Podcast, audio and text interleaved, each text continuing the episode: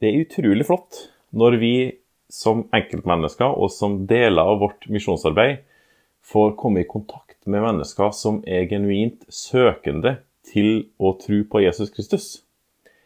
I forgårs så hadde vi nemlig en sånn konkret opplevelse. Min kollega Morten Nordvarhaug på Fjellheim bibelskole hadde en kar innom, en uh, ung voksen mann fra Tromsø, som var engasjert gjennom gjenbruksbutikken som vi har i byen.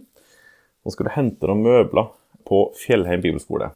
Og Når han kommer inn der og opplever det kristne ungdomsmiljøet som er der, dvs. Si, så du jo litt på koronaavstand, så gjorde det noe med han. Han her forteller at han er overbevist om at Jesus er den eneste sannheten. Men samtidig så trenger han altså å vokse i trua. Og de får en veldig fin prat, og Morten kan da bl.a. henviser til at det i regi av Fjellheim misjonsforsamling i byen drives eh, alfakurs, som nettopp er i ferd med å starte, så han ble liksom henvist inn der. Um, og det gjør meg glad, rett og slett, å høre fortellinger om sånne type møter mellom mennesker.